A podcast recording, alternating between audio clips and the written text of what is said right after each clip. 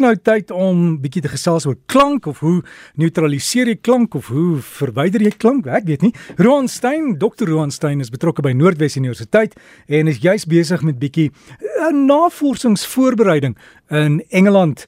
Roan, goeiemôre. Ek hoop dit gaan goed met jou daar. En jy is in Engeland self of is jy in een van die die provinsies?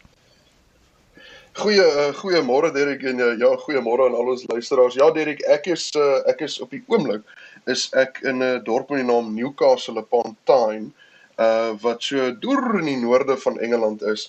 Um en dit is 'n vreeslike mooi plek, vreeslik geskiedkundig en ek uh werk hierso saam met uh met ander navorsers by die by die Universiteit van Northumbria.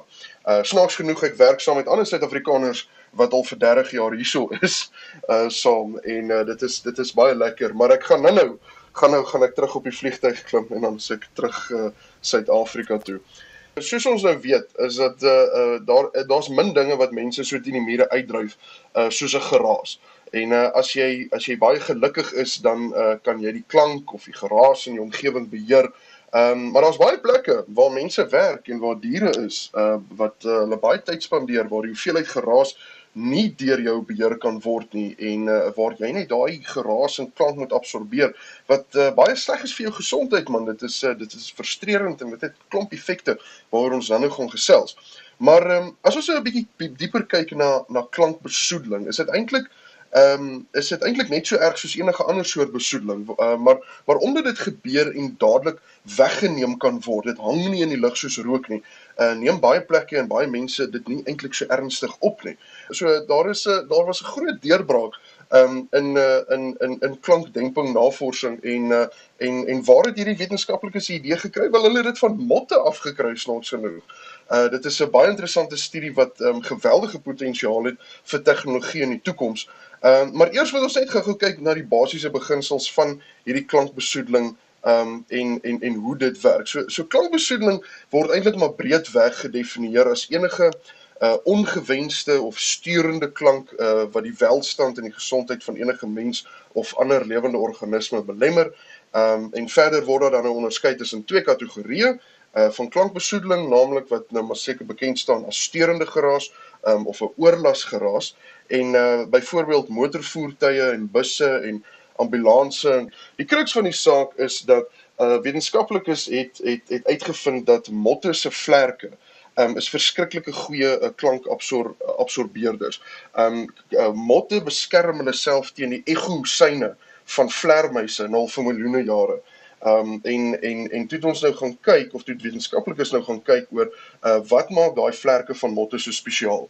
En toe het hulle uh gaan kyk met mikroskope en elektronmikroskope en wat hulle nou probeer doen is hulle probeer nou die struktuur van motvlerke uh uh uh, uh bou met ander materiale.